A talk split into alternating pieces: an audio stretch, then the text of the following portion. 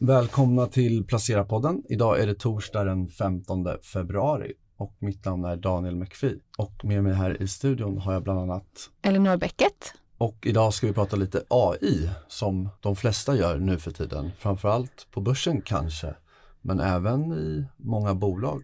Men vi ska försöka reda ut lite mer hur man kan investera i AI och få den exponeringen och med oss har vi därför Johan Söderström och Alexander Winberg som är förvaltare på SEB. Välkomna! Tackar!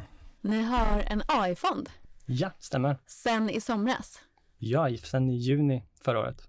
Och AI, det är ett, ett väldigt brett begrepp. Om man liksom ska försöka konkretisera, vad är det som fonden investerar i egentligen? Men fonden försöker investera i bolag som direkt gynnas av AI. Man brukar säga att antingen bolag som möjliggör användning av AI eller bolag som direkt har en produkt som gynnas av AI. Eh, AI det helt enkelt driver omsättningen av bolaget. Vi brukar titta ganska mycket på affärsmodellen, hur affärsmodellen påverkas av AI. Vi har tidigare använt Netflix som exempel. Det är ett bolag som använder AI i sin rekommendationsfunktion. Då är frågan, är då Netflix ett AI-bolag för att de använder AI? Och då tänker vi, kan AI driva omsättningen för Netflix? Och då tänker man, kommer vi som konsument välja Netflix före HBO för att de har sin rekommendationsfunktion? Det tror vi inte. Så vi säger inte att AI är en tillväxtdrivare för Netflix. Sen kan AI då påverka affärsmodellen på något sätt, marknadsposition eller konkurrensposition och liknande. Helt enkelt kan vi som konsument tänka oss välja Netflix före HBO för rekommendationsfunktionen. Det tror vi inte riktigt heller. Så då är egentligen slutsats att Netflix använder AI, men affärsmodellen drivs inte av AI och är därmed inte ett AI-bolag. Så vi försöker egentligen hitta de bolagen där som man ser omsättningen eller deras position kan förstärkas av AI. Och AI känns ju som generellt används väldigt mycket eh, som ord, vilket ofta gör att många definierar ett begrepp väldigt olika. Det kan vara teknikutveckling, kanske ett brett ord för det, men AI kanske är något lite smalare. Hur liksom, har ni valt att smala ner det? Vad är skillnaden om ni ser bolagen som bara jobbar med egentligen ren teknikutveckling eller faktiskt artificiell intelligens? Man brukar väl säga den, den torra definitionen av AI är att det är vetenskapen om att göra maskiner eller datorer mer intelligenta och därmed tänka eller agera mer som en människa skulle göra. Och ibland brukar man också säga att det är steget från att vi säger åt en dator eller maskin vad den ska göra till att den börjar lära sig själv. Det är lite där det handlar om att eh, bolagen ska kunna använda data eller möjliggöra användning av data och därmed kan dra slutsatser och mer börja agera likt en människa snarare än att vi säger åt dem och det här eh, mer statiska delen. Och det är det som kallas generativ AI, eller? Ja, det finns ju många begrepp. Generativ AI, AI, maskinlärning, oftast olika grenar av varandra. Men generativ AI är det man brukar nämna när just det här tänka och agera mer likt en människa. Skapa något nytt med hjälp av AI, nytt digitalt innehåll, det är det generativa inslaget. Då. Er uppgift är då att investera i AI-bolag. Men vad har ni gjort innan? Vilka är ni? Jag började på SEB för två år sedan och innan dess uh, hjälpte jag till att starta upp en teknikfond i Frankrike uh, på en mindre firma där. Och uh, innan dess jobbade jag på uh, Robur, förvalta en fond där som heter Technology som har vuxit rejält på senare år. Och, jag började på SEB också för ungefär två år sedan och innan dess så var jag ungefär fem år på en eh, nordisk hedgefond. Och vad är det som ni tycker är så spännande med just förvaltningen av så att säga, teknikbolag? Är det något speciell anledning som ni har valt just den här inriktningen? Ja, vi såg ju där i slutet av fjolåret att ChatGPT fick ett väldigt genomslag där genom generativ AI och vi insåg ju där att teknikbolagen som vi redan hade koll på genom att vi förvaltar eh, teknikfond, eh, att de skulle tjäna mycket på, på generativ AI. Att det var en stark trend där. Så att vi såg ju möjligheten där helt enkelt. Då 2022? Ja, det var i slutet av 2022 där när ChatGPT fick sitt stora genomslag där. Och kom vi in på det, men, men det är lätt att se där att stora grupper av de bolag vi, vi följer, de eh, kommer att tjäna mycket på det här och vi insåg att det var en stor grej att det går att förbättra produktivitet eh, starkt på många områden och att det här är, kommer att bli en, en stark trend helt enkelt. Tänker på AI tänker man ju på väldigt mycket på de här riktiga bjässarna, men ni har ju också en del ganska nischade, lite mindre bolag. Kan du ta några exempel? Eh, ett bolag som vi har här i Europa som heter Relex, eh, de har flera grenar men där de har kommit framförallt längst inom AI är deras juridiska del. De har tidigare haft en stor, stor databas med eh, lagtexter, tidigare fall, hur tidigare domare har dömt och liknande. Och den här datan har de börjat lägga ett AI-filter på och därmed kan hjälpa jurister att mycket, mycket snabbare och mycket, mycket enklare hantera all den här datan och snabba på men också förbättra deras processer inför domstol, vilka fall de ska välja och liknande. Och hittills har man sett att deras kunder kan spara 67 timmar per vecka genom att använda den här AI-funktionen snarare än sitta manuellt och arbeta med den här datan. Så det är exempel på ett lite mindre bolag som kanske inte är lika känt men som är väldigt långt fram inom AI. Intressant bolag tycker jag för att de har ju en uh, unik databas där som de har eh, byggt upp under många år. Det här var tidigare en eh, publicist av vetenskapliga tidskrifter.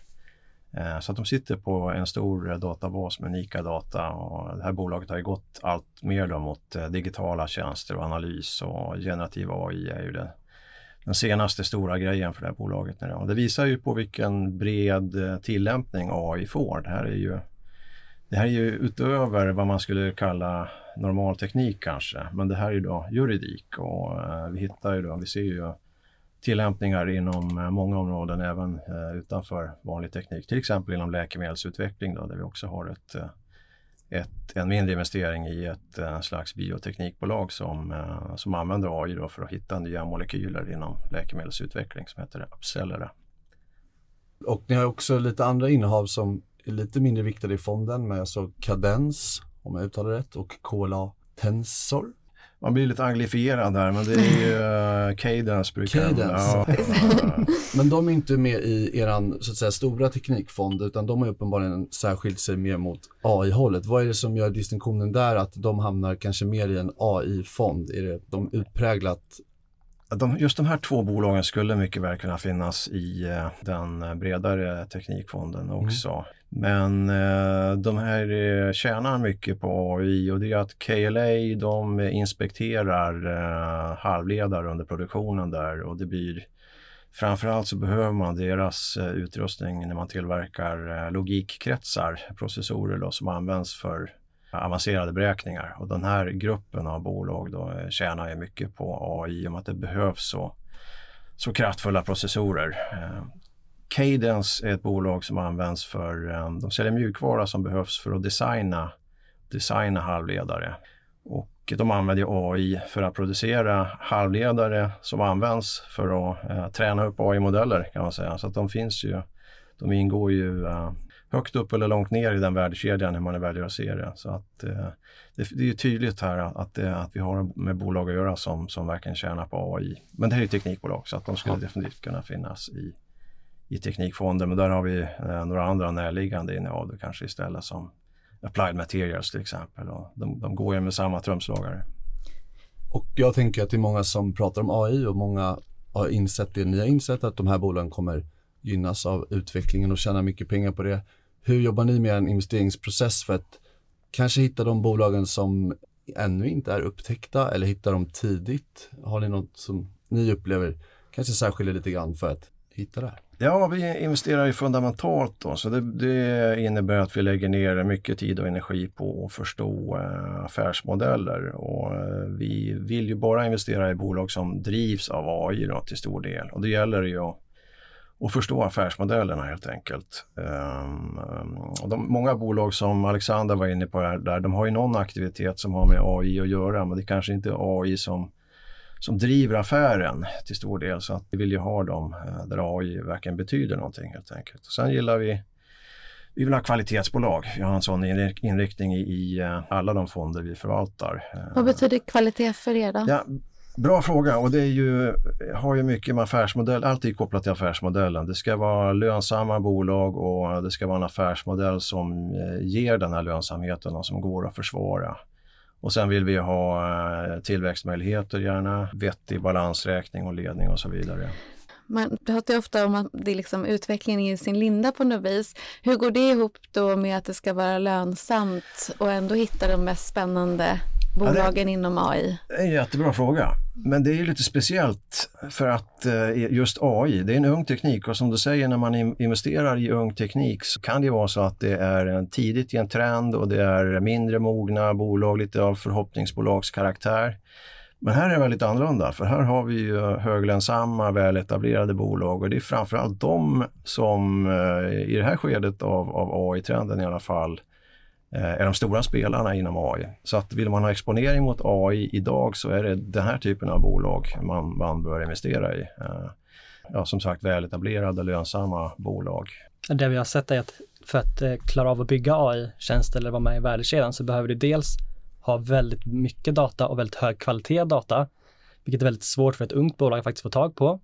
Och sen behöver du också ha en enorm processorkraft som är ganska dyr att få tag på, som också gynnar de stora.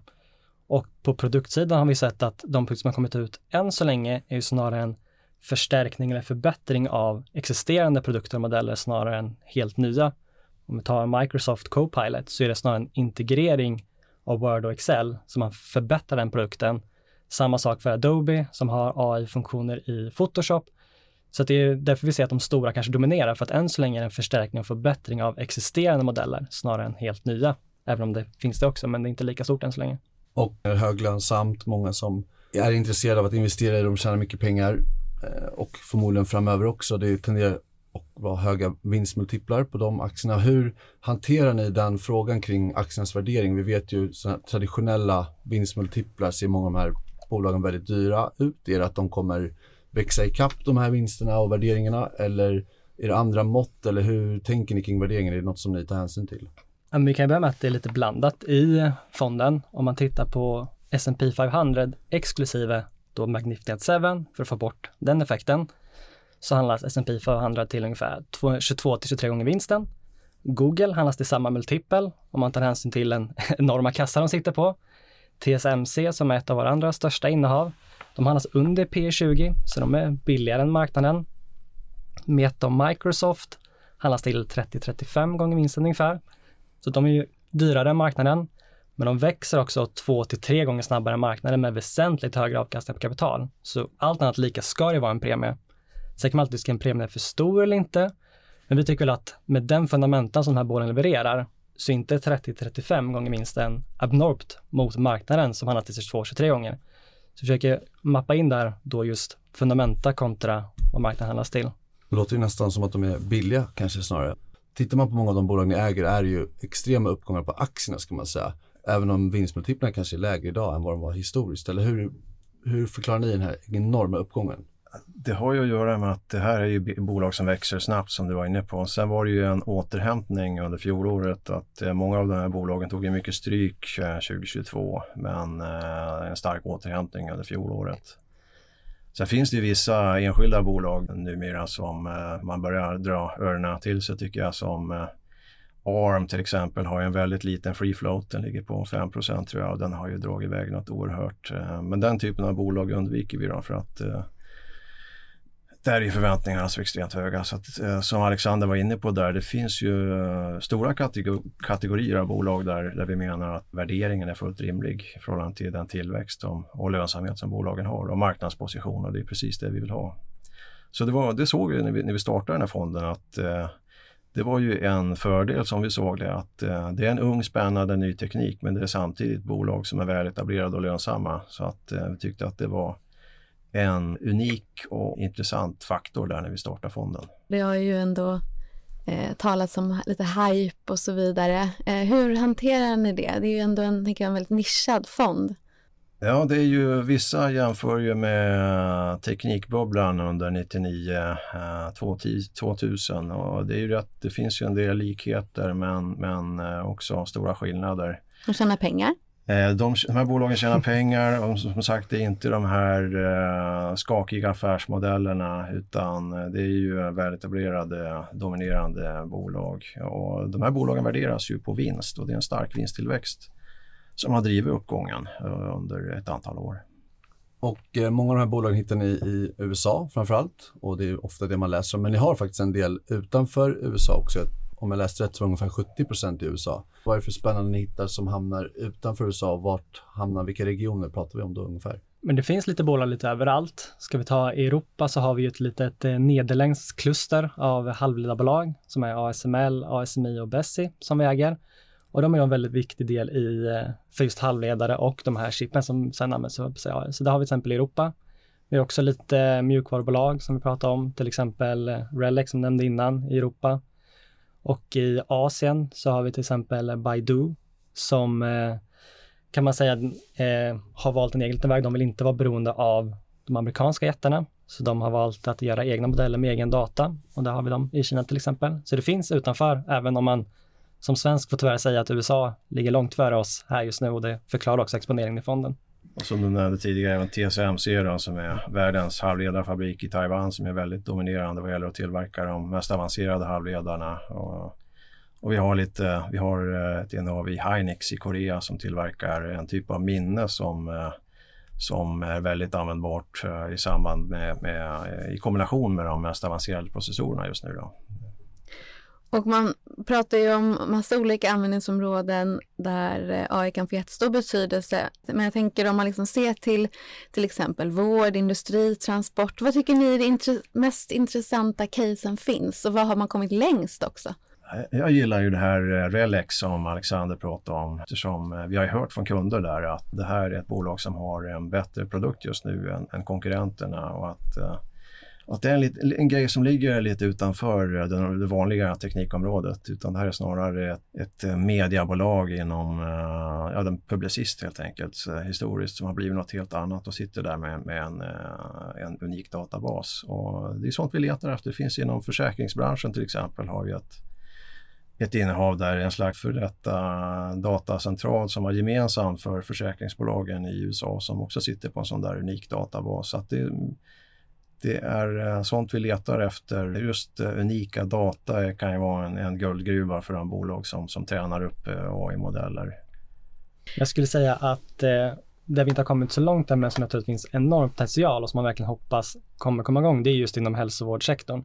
Kan vi på ett bättre och snabbare sätt ta fram nya läkemedel eller kanske till och med lösa sjukdom inte löst tidigare. Vi har börjat se steg åt det hållet men det, det är tidigt än så länge men det skulle vara något enormt för, för samhället om man skulle kunna komma dit.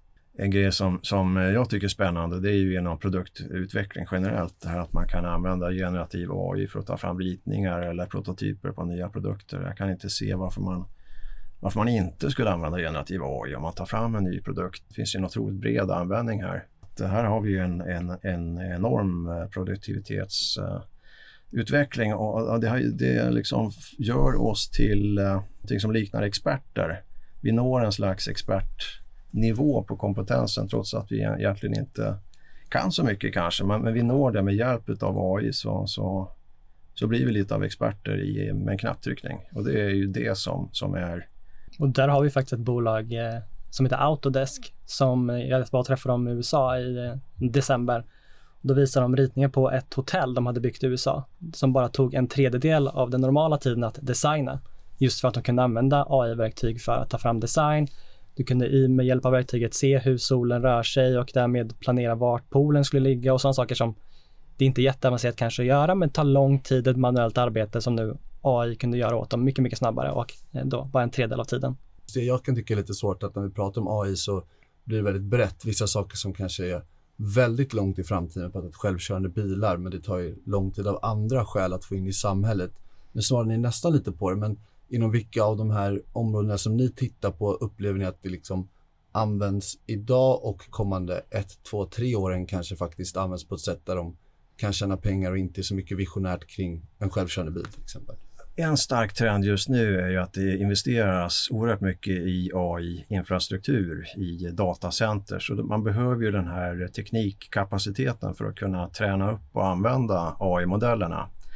Eh, och det är en väldigt stark trend. Och för ett halvår sedan var jag lite eh, orolig att det här kanske kommer att mattas av eh, inom ett år eller sådär. Men, men det, har vi, det har vi verkligen inte sett utan tvärtom så har det här accelererat i, i uh, början av året här. Man ser att uh, de stora teknikbolagen de uh, kommer att öka sina investeringar här 2024. Så det är ju en stark trend just nu. Sen, sen gäller det ju på sikt att eh, AI-tjänsterna levererar, blir tillräckligt populära och användbara för att motivera alla, alla investeringar. Och, um, Det får vi ju se. Vi, har ju, eh, vi är optimister här och tror att eh, det här kommer ju och eh, det kommer ju mer och mer och det finns sådana stora produktivitetsvinster här så att det kan motivera stora investeringar.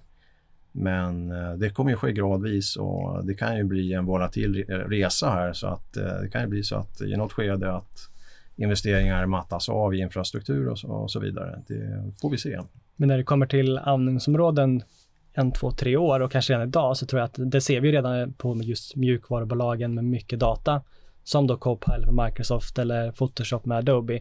Det är ju många som redan använder det idag och sparar väldigt, väldigt mycket tid. Till exempel Adobe kan du nu ta, få hjälp med att redigera bilder, ta bort objekt eller lägga till objekt väldigt, väldigt snabbt när den själv målar bakgrunderna där du klipper ut någonting istället för att du ska själv sitta och göra det. Så just i mjukvara ser vi användningsområden redan idag. Sen är frågan hur snabbt penetrationen går upp, men användningsområden finns ju redan. Ni är optimister och det måste man väl vara för att orka investera i en sån här bransch, tänker jag. Om det är någonting ni är oroliga för, det behöver inte just vara aktierna eller värderingen eller investeringsdelen, utan vad är det som begränsar utvecklingen som ni följer? Är det regulatoriska saker eller vad är ni oroliga för skulle kunna ske? Det är ju generellt att teknik är ju volatilt ska man komma ihåg och det, det sker ju ibland att förväntningarna blir för höga i förhållande till eh, till värderingar på kort sikt och sådär. Att det kan komma korrektioner, det får man ju alltid vara beredd på. Vi ser ju sådana produktivitets en sån, en sån produktivitetspotential här att eh, det är svårt att inte eh, vara optimist på, på längre sikt. Och på kort sikt kan man ju alltid ibland säga att kommer kapaciteten växa snabbare än efterfrågan, att det blir ett litet mismatch där, men då är det snarare på kort sikt troligtvis att man, man bygger efter vad man ser för efterfrågan. Och sen om det laggar med några kvartal eller något år, det vet man aldrig. Och då kan det bli lite volatilt i aktierna. Men det är någonting som skulle kunna hända. Sen är det ju en kraftfull teknik och den kan ju användas på fel sätt. Eh, och det ser vi ju att inom eh, datasäkerhet så finns ju, även bovarna använder ju AI och det är ju man, man, har ju sett, eh, alla har ju sett eh, deepfakes och det går ju att bluffa med hjälp av AI och då behöver man AI för att bekämpa AI i någon mening så att vi ser vi har ju investeringar i datasäkerhetsbolag här som, som ligger i, i framkant när det gäller att bekämpa den typen av problem också. Men just med deepfake och eh, riskerna med sånt skulle jag säga att det är ändå en fördel att det är de stora bolagen som driver på de är redan väldigt högt reglerade, de tar redan ett ganska stort ansvar och också på ett annat sätt kanske har råd än vad ett startuplag skulle ha att göra. Eh, om man tar, återigen tar Adobe som exempel så jobbar ju de med om någon skulle försöka göra en deepfake med deras programvara så jobbar de med hur man ska kunna verifiera att det här är faktiskt inte äkta. Så man ser redan den typen av ansvar från bolagen. Fondandelsägare i eh, SEB Teknologi. Hur tänker ni kring skillnaden där? Ja, det finns ju en del eh, likheter och samtidigt skillnader. Då. Vi var lite grann inne på det, men eh, det är klart att AI är mycket teknik och AI är ett starkt tema inom teknik, eh, Teknikfonden också, den bredare Teknikfonden. Eh, det är väl att vi, vi, delvis så tar vi lite större investeringar i de främsta AI-bolagen inom eh, AI-fonden och lite mer risk, vill jag påstå. Sen eh, finns det ju andra bolag i Teknikfonden som inte är utpräglade AI-bolag. Till exempel ett eh, skivbolag som Universal Music. Eh, vi har Motorola Solutions som säljer säkerhetsprodukter till polis och brandkår i USA. Och det är ju inga AI-bolag så att vi har ju bredare inriktning så i, i Teknikfonden och plus då att inom AI-fonden så investerar vi i bolag som inte alls är teknik bolag traditionellt i alla fall då, utan till exempel då inom om, äh, läkemedelsutveckling som vi var inne på där. Då. Så att, äh, ja. Ja, då får vi tacka Johan och Alexander för att ni kom hit. Tack, tack så mycket. Tack.